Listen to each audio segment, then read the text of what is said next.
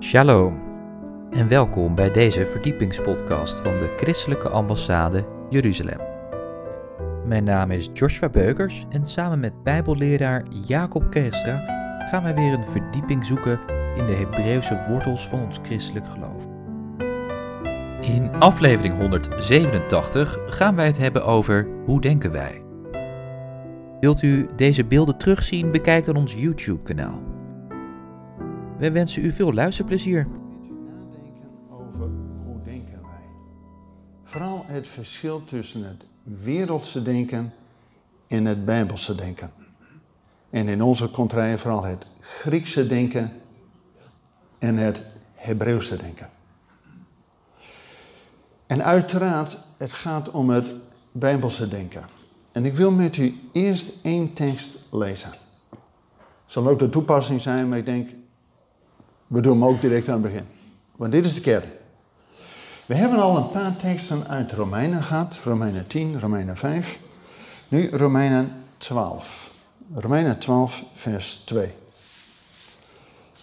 En uh, noteer die gewoon in je, hoe dan ook, notities, smartphone, uh, hoe dan ook. Mag ook gewoon een Bijbel zijn. Maar dit is de kern. Romeinen 12, vers 2. En word niet aan deze wereld gelijkvormig. Zo. Maar word innerlijk veranderd door de vernieuwing van uw gezindheid. En waarom? Om te kunnen onderscheiden wat de goede, welbehagelijke en volmaakte wet van God is. Zo, nou dat willen we. Dan weten we wat de wil van God voor ons is. En dat is het goede, het beste en het perfecte. Nou, wie wil dat nog niet? Maar dat betekent dat we eerst afscheid en afstand moeten nemen van dat wereldse. En vooral ook in ons denken. Er zijn allerlei bolwerken in ons denken. God wil dat we daarvan loskomen. Wedergeboorte. En vernieuwd worden in ons binnenste. In de oude MBG-vertaling stond vernieuwd worden in je denken. Nou, en de nieuwe HSV-vertaling staat vernieuwing van je gezindheid. Dat is zelfs iets meer. Helemaal je hele wezen vernieuwd worden. Dus het preek gaat over wedergeboorte. Maar eerst even waar we vandaan komen. En voordat we weten, ook nog met één been daar half in zitten. Want weet u, het verschil tussen dat Griekse en Hebreeuwse denken, tussen het wereldse denken en het Bijbelse denken, is eigenlijk met één woord samenvatten. Staat hier al? Ja, helemaal goed. Dit is het belangrijkste. Het wereldse denken, en vooral in onze Europa het Griekse denken, gaat van een tweedeling uit. Ik zal zo uitleggen wat dat allemaal voor impact heeft. Maar het Bijbelse denken gaat van eenheid uit. En het allereerste lied trof mij dat we zongen over de eenheid tussen Gods kinderen. En die eenheid gaat heel ver door. Notabene, de eerste zin van de Bijbel. In het begin schiep God de hemel en de aarde. Dat was eenheid, dat was relatie. God kwam iedere dag ook bij Adam en Eva gewoon op bezoek. Er was een lifeline. Alleen door de zondeval is er een breuk gekomen tussen alles wat God doet en de wil van God en het koninkrijk van God en wat wij op aarde doen. En Jezus kwam met name om dat te herstellen. Hij zegt niet voor niks, ik en de Vader zijn één. En hij bidt ook en leert ons het onze Vader. Dat alles wat in de hemel gedaan wordt, dat dat ook op aarde gedaan wordt. Jezus kwam om die eenheid te herstellen. Alleen in de wereld, ja, is ook een gebroken wereld, is een tweeheid centraal. En het Griekse woord voor twee is dia. Zegt u niks. Maar de diabolos, hebt u vast van gehoord. Die, de tegenstander van God doet niks anders dan om scheiding te maken. Dat is zijn aard. En daardoor vernieling. Maar het begint bij scheiding. Ah, God heeft dat toch niet gezegd. Nou, dan ga je al. Hè? En Jezus kwam juist om die eenheid. Nou, waarom noem ik dat nou het Griekse denken, ook wel het wereldse denken? Weet u, u kent misschien dat beeld van Daniel. Dat Daniel is visioen. En uh, in Babel. En dat grote beeld, grote beeld met dat gouden hoofd, het Babylonische Rijk. En dan zilver van Persen. En dan koper van het Griekse Rijk. En dan de voeten het Romeinse Rijk. Misschien hebt u ooit van gehoord. Nou, dat zijn ook inderdaad al die vier rijken die na elkaar in de geschiedenis zijn geweest. Maar het is ook één beeld. Het is eenheid, juist ook in één geest. En dan komt die steen als een rots en die verbrijzelt het.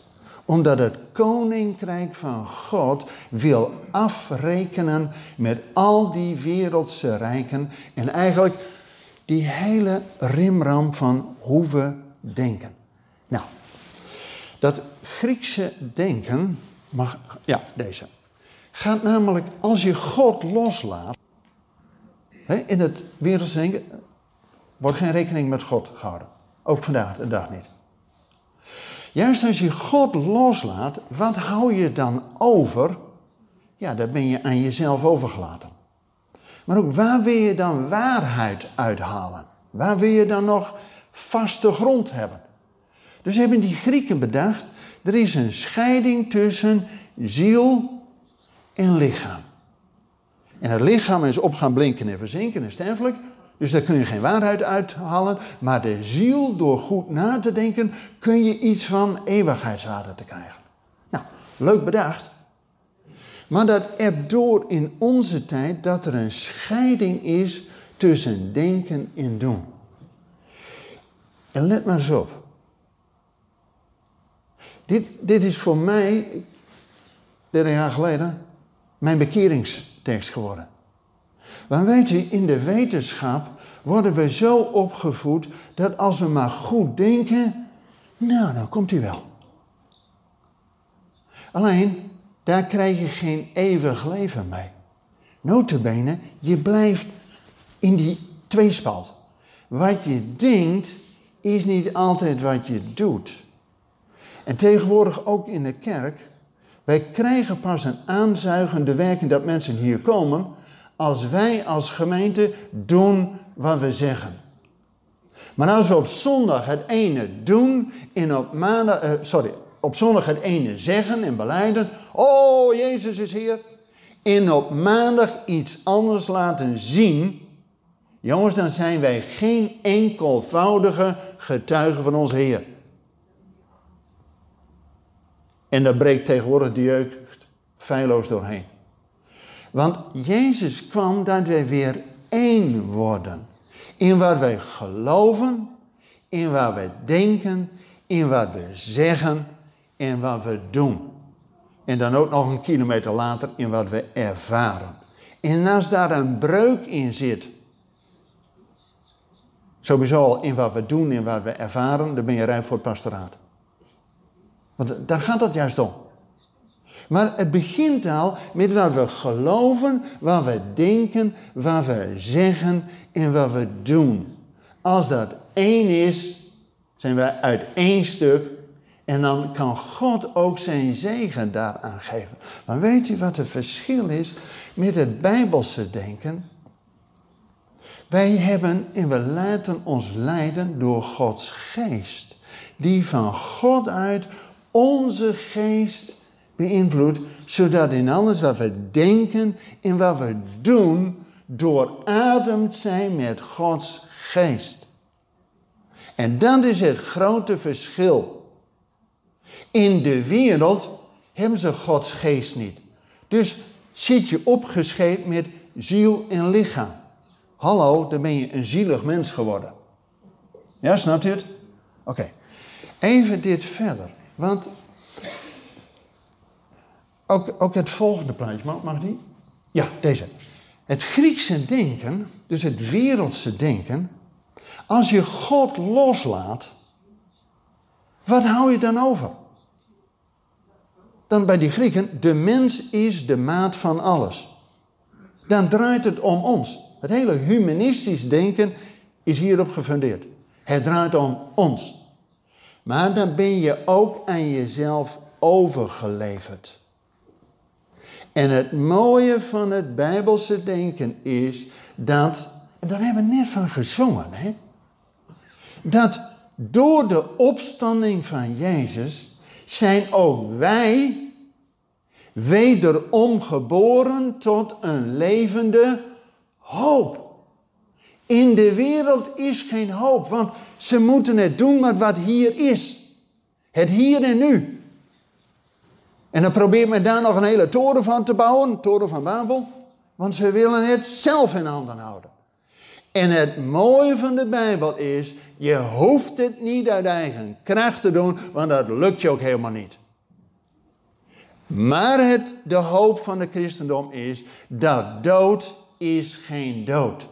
Het laatste lied is wat we gezongen hebben, dat door de opstanding van Jezus er ook voor ons eeuwig leven is.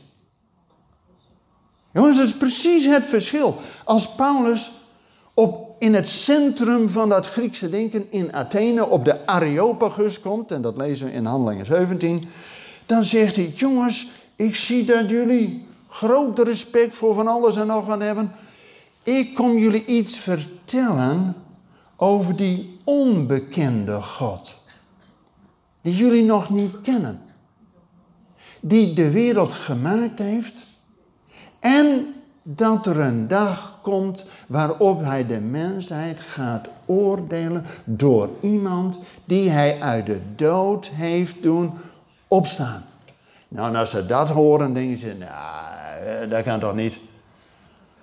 opstanding uit de dood, dood is dood. Uh, Dood is dood. Dus toen kwam er ja, die hele opschudding van hoe kan het nou dat er iemand is die gaat spreken over leven uit de dood. En dat we door Gods geest geleid worden. Nou, dat was compleet nieuw. En weet u, als ik nog één tekst als inleiding zeggen. Dit is niet zomaar iets, hè. Er staat in de Bijbel, Zachariah 9, vers 10, dat God notabene een vijandschap zet tussen de zonen van Griekenland en de zonen van Sion.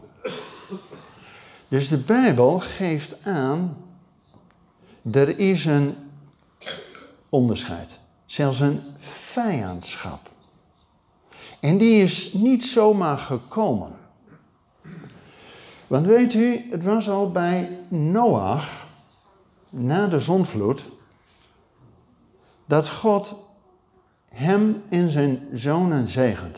Hij had drie zonen, Sem, Gam en Javed. Sem, dat zijn de Semitische volken. Die zitten vooral in Azië. Gam, dat zijn de donkere mensen, die zitten in Afrika. En Javed, dat zijn wij, Europa en Noord-Amerika. En de belofte die God doet is dat Javed, Europa, zal wonen in de tenten van Sem. Nou, dat is gebeurd. Alleen ook komt hij. Wij zijn in de tenten van Israël gekomen en we hebben hun zegen tot ons genomen. En toen hebben we Sem eruit geknikkerd. Dat heet anti Sem.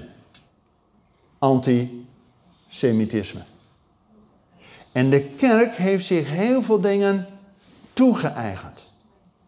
Maar nou komt hij. In Europa was dat Griekse denken al honderden jaren actief. Die hele was doordrongen van die hele cultuur. Een hele cultus.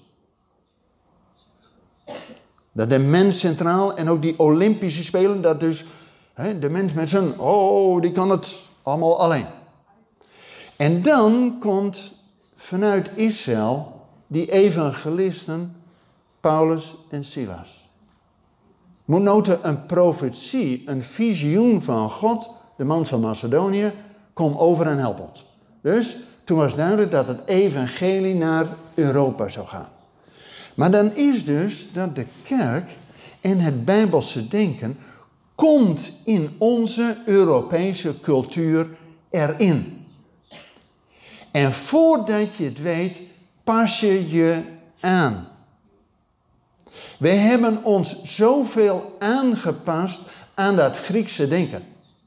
Jongens, deze stijl van kerk zijn is niet bijbels. Dit is de Griekse theateropstelling. Donker in de zaal, want de belichting moet van al op het podium, op het theater, alsof degene die hier spreekt alle wijsheid heeft. Weet u hoe ze dat in Israël, in het Bijbelse denken doen? En daar bent u al mee bezig. Weet u, daar leest men iedere dag thuis een hoofdstuk uit Gods Woord. En iedere dag, en dan na zes dagen heb je zes hoofdstukken gehad. En dan kom je op de zevende dag samen als gemeente. En dan ga je die zes hoofdstukken met elkaar nog eens weer bespreken. En wat heeft God jou gezegd in hoofdstuk 1? Wat kunnen wij leren uit hoofdstuk 2? Hoe kunnen we hoofdstuk 3 toepassen? Daar spreek je over, zodat het gaat beklijven. Weet u, dit is gewoon zenden. En u bent straks nog niet bij de koffie, of 90% van wat ik gezegd heb, bent u kwijt. Maar als u er samen over praat en als u vragen hebt, juist het Bijbelse denken is vragen stellen. Hoe zit dat? Kijk, we willen allemaal antwoorden. Ja, maar dat is niet altijd een antwoord op jouw vraag, waar jij mee zit. En als je juist in een gesprekskring dat met elkaar deelt en onder leiding van Gods woord antwoorden zoeken, geheide Gods geest jouw bemoediging geeft. Mijn naam is Jacob. Ik heb van de Jacob in de Bijbel geleerd één ding. We gaan hier niet weg. Ik laat u niet gaan, tenzij gij mij zegent. Nou, je moet soms een beetje zo'n pitbull uh, houding hebben. We gaan hier niet weg voordat we gezegend zijn. Ja toch?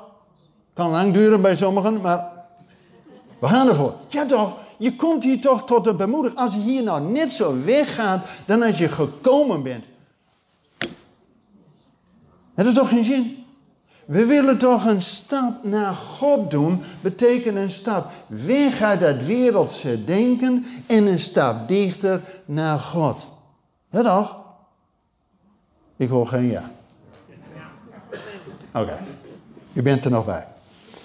Dus we leven in een geestelijke wereld die behoorlijk door dat Griekse denken is beïnvloed waarin de mens centraal staat en waar God uit weggaat. Kijk maar eens in onze cultuur tegenwoordig. Je mag best zelf geloven, maar doe dat vooral thuis. Roep dat niet van de daken. God wordt uit deze wereld weggehaald. Alsof het allemaal zelf wel kunnen. Sterker nog, het volgende plaatje, en uh, ja, deze. In de Bijbel staat de bemoediging van Jezus aan die zeven gemeentes in Klein-Azië. En dan lezen we in Openbaring 2, vers 13, dat hij specifiek aan een gemeente van Pergamum een bemoediging heeft. En daar staat in Openbaring 2, vers 13, en Jezus zegt tegen die gemeente, ik weet waar uw werken, ik weet uw werken en ik weet waar u woont. Namelijk waar de troon van Satan is. Zo. Dat zegt Jezus, hè? Onze Heer in Nederland. Zeg tegen deze gemeente, kijk uit. Want in Pergamum, Klein-Azië, was een tempel van Zeus, de oppergod in de Griekse mythologie. En die is in het jaar 451 door aardbeving verwoest, maar in 1906 opgegraven door archeologen uit Duitsland. En die hebben dat hele eh, gebeuren uh, ingescheept en naar Berlijn gebracht. En daar hebben ze een museum opgericht waar die tempel voor Zeus staat. In het Pergamon Museum in Berlijn. En een jaar daarna hebben ze ook nog de poorten van Babel opgegraven en die hebben ze ernaast gezet. Kun je gewoon naartoe gaan in Berlijn. En weet u, in 1906 was ook het jaar van de Azusa Street.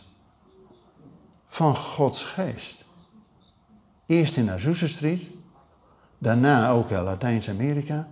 Waardoor die ene opwekking van Gods geest nu wereldwijd 850 miljoen evangelicals zijn. Toen die golf van Azusa van Gods geest ook naar Europa kwam, zeiden de bisschoppen in Duitsland, 1907, 1908, dat kan niet van God zijn. Dus uh, weg ermee. Dus ze lieten zich wel beïnvloeden door dat Griekse denken met die tempel van Zeus uh, uh, daar in hun midden. Maar Gods geest werd buiten de deur gedaan. We weten wat het met Duitsland gedaan heeft. Ze stonden open voor allerlei, weet ik het wat. Pas 100 jaar later, 2006, hebben de bisschoppen in Duitsland daar vergeving voor gevraagd. Dat ze niet alert waren op wat God aan het doen was. En ze hebben 100 jaar eigenlijk Gods geest niet de ruimte gegeven om te werken. Er is wat. Jongens, maar denk niet dat het alleen Duitsland. In Europa hebben we de Raad van Europa en in Brussel wordt van alles gedaan. Nou, voor de Raad van Europa in Brussel staat een standbeeld. En dat is het standbeeld waar we uit de Bijbel tegenkomen dat de vrouw die de stier breidt, the woman is riding the beast. En dan denk je, nou ja, ah, het is maar een beeldje. Ja, maar wacht even. Nu met al die, al die Olympische Spelen, en was vorig jaar die Commonwealth Games van Engeland en alle hun Engelse uh, satellieten. Daar werd op het Wembley Stadion werd een grote stier naar binnen gehaald en daar werd een hele rijdans omheen gedaan. Jongens, waar laten wij ons door beïnvloeden? Hoe denken wij? En in Europa, we zien dat God eigenlijk aan de kant gedaan wordt. Hier in Europa, zeker ook in Nederland, wordt iedere week een kerk gesloten. Maar als je aan de andere kant van de wereld, in Brazilië, wordt ieder uur van de dag een kerk geopend. Wij doen sinds corona als christelijke ambassade met een wereldwijd gebed. Vanuit Jeruzalem en dan via Zoom kan dat overal. Dus je kunt het ook thuis in je huiskamer doen. Gewoon meedoen. In iedere maand bidden we twaalf dagen non-stop voor Israël, het Midden-Oosten en je eigen land. En we zijn blij als Nederland dat we vier keer een uur daar ook meedraaien. Amen. Maar aan de andere kant van de wereld, in de Filipijnen, daar staan de kerken in de rij om mee te mogen doen. Die vullen 70 uur van dat gebed in. Kunt u nagaan waar opwekking is? En daarom ook de oproep, zoals aan het begin, word vernieuwd door de vernieuwing van je gezindheid. Dat Gods geest de ruimte krijgt in je denken en ook in je handelen. Want anders zitten we nog steeds met één been in de wereld en we denken dat we God niet nodig hebben en het gaat ook allemaal goed in Nederland totdat. Totdat er oorlogen en uh, crisis. Jongens, in corona hebben we één crisis, hè? Toen we als gemeente nog eensgezind. Ja, we zagen elkaar niet. We hebben nu tien crisissen. En denk niet dat het morgen voorbij is. Hè? We glijden al mooi af of richting al die weeën uit de openbaring. En dat betekent dat we als gemeente ons moeten voorbereiden. En dat we straks niet, niet meer in zulke grote hallen samen kunnen komen, dat we een, ja, een cultuur hebben, dat we als kringen elkaar opzoeken. Want ik denk dat de kerk van de eindtijd veel meer een huiskring is dan dit soort grote gebeuren. En dat is ook hoe het begon, hè. Paulus, als hij naar Efeze en naar Pergamum was, hij ging gewoon van huiskring tot huiskring. Ze hadden gewoon gemeente aan huis. Weet u, dat Griekse denken, dat is ook typisch dat de wetenschap, het denken, heeft het voor het zeggen. De, de hoge priesters van onze tijd, waar iedereen, oh, de wetenschap. Nou, ik heb zelf een paar studies mogen doen. Kennis vergaan is niet verkeerd, maar dat geeft jou geen rust in je hart. Verzoening en verlossing is pas door het bloed van Jezus. En door het denken dat wat wij allemaal in de greep denken te hebben, krijg je geen eeuwig leven. Dan is dood is dood. Houd het op. Logisch dat men nu natuurlijk in de wetenschap en de, de medische wetenschap probeert dat je hart 100 jaar kan hè, en, en dat je allemaal weet ik wat. Want we proberen eeuwig leven hier te krijgen. Jongens, dat is gedoemd te mislukken. God zegt, de leeftijd van de mens zal maximaal 120 zijn. Nou, dat is al heel wat natuurlijk. Dus eeuwig leven is hier niet te krijgen in dit gebeuren. Daarom worden we ook opgeroepen dat we een stap uit de wereld doen en een stap naar God doen. Dat we wederom geboren worden in ons hele houden. Dat we geloven niet in de wereld, maar we geloven in God. Dat we denken zoals God ons aangeeft en dat we daarvan getuigen. En dat nog doen ook. Maar dat valt niet mee. Dat we doen naar wat we zeggen. Kijk maar in je gezinnen. Hoe vaak is het wel niet moeilijk, want ja, je belooft wat. Of... Maar kinderen zijn heel slim, hè.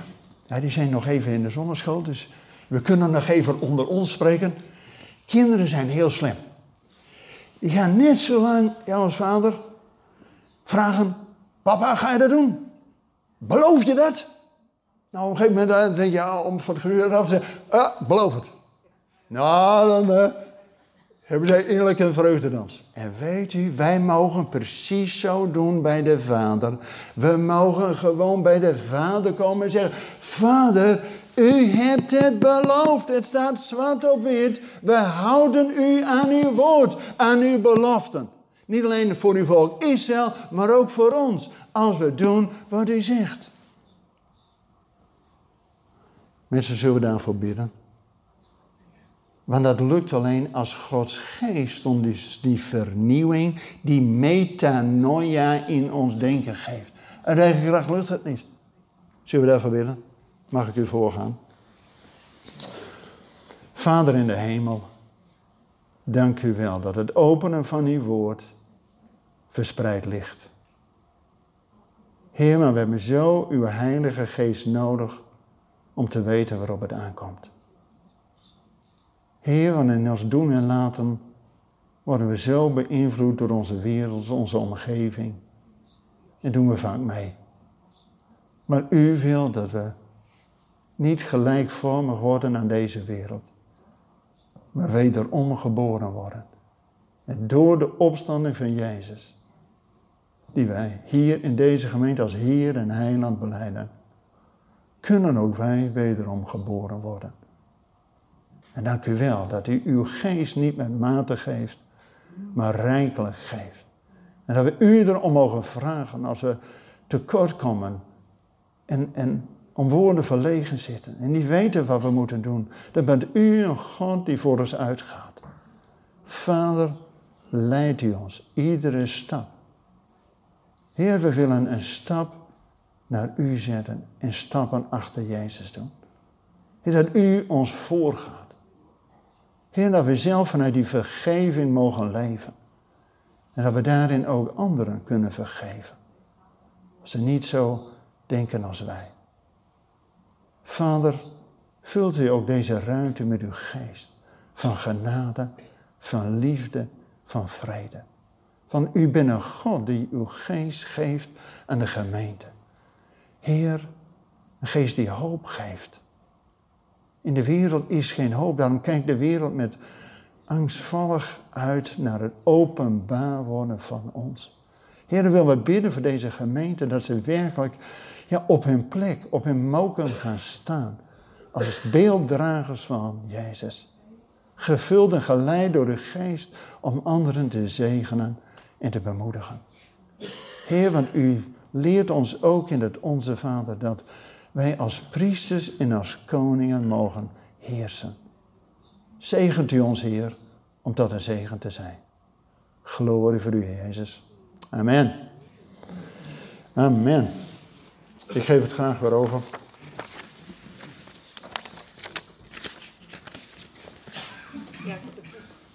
Oh, ja, dankjewel. Um, altijd goed om te weten dat dit uh, nog, deze lezing uh, ook al op uh, YouTube en op podcast verkrijgen is. En over dit onderwerp, hoe denken wij, hebben een heel boek geschreven. De uitgever zit hier ook in de zaal.